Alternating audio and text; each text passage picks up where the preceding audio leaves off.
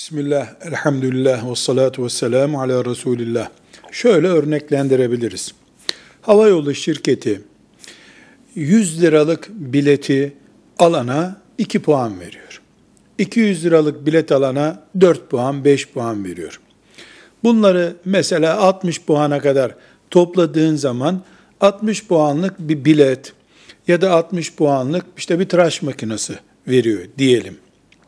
Yani bilet karşılığı sana bir lütufta bulunuyor, ticari teşvik için şüphesiz. Onları, sen o lütuf yaptığı şeyleri topluyorsun, şu kadar toplarsan sana şunu hediye ederim, bu kadar toplarsan bir bilet veririm diyor. Bu toplanan puanlar, o puanlar için bir para verilerek alınmadığından kumar değildir. Ama şöyle olsaydı, mesela deseydi ki 100 liralık bilet alıyorsun, 10 e, lira fark verirsen sana 3 puan veririm. O 3 puana 10 lira para vermiş olurduk. Bu, o zaman da bu 3 puanı piyango bileti gibi satın almış olurduk.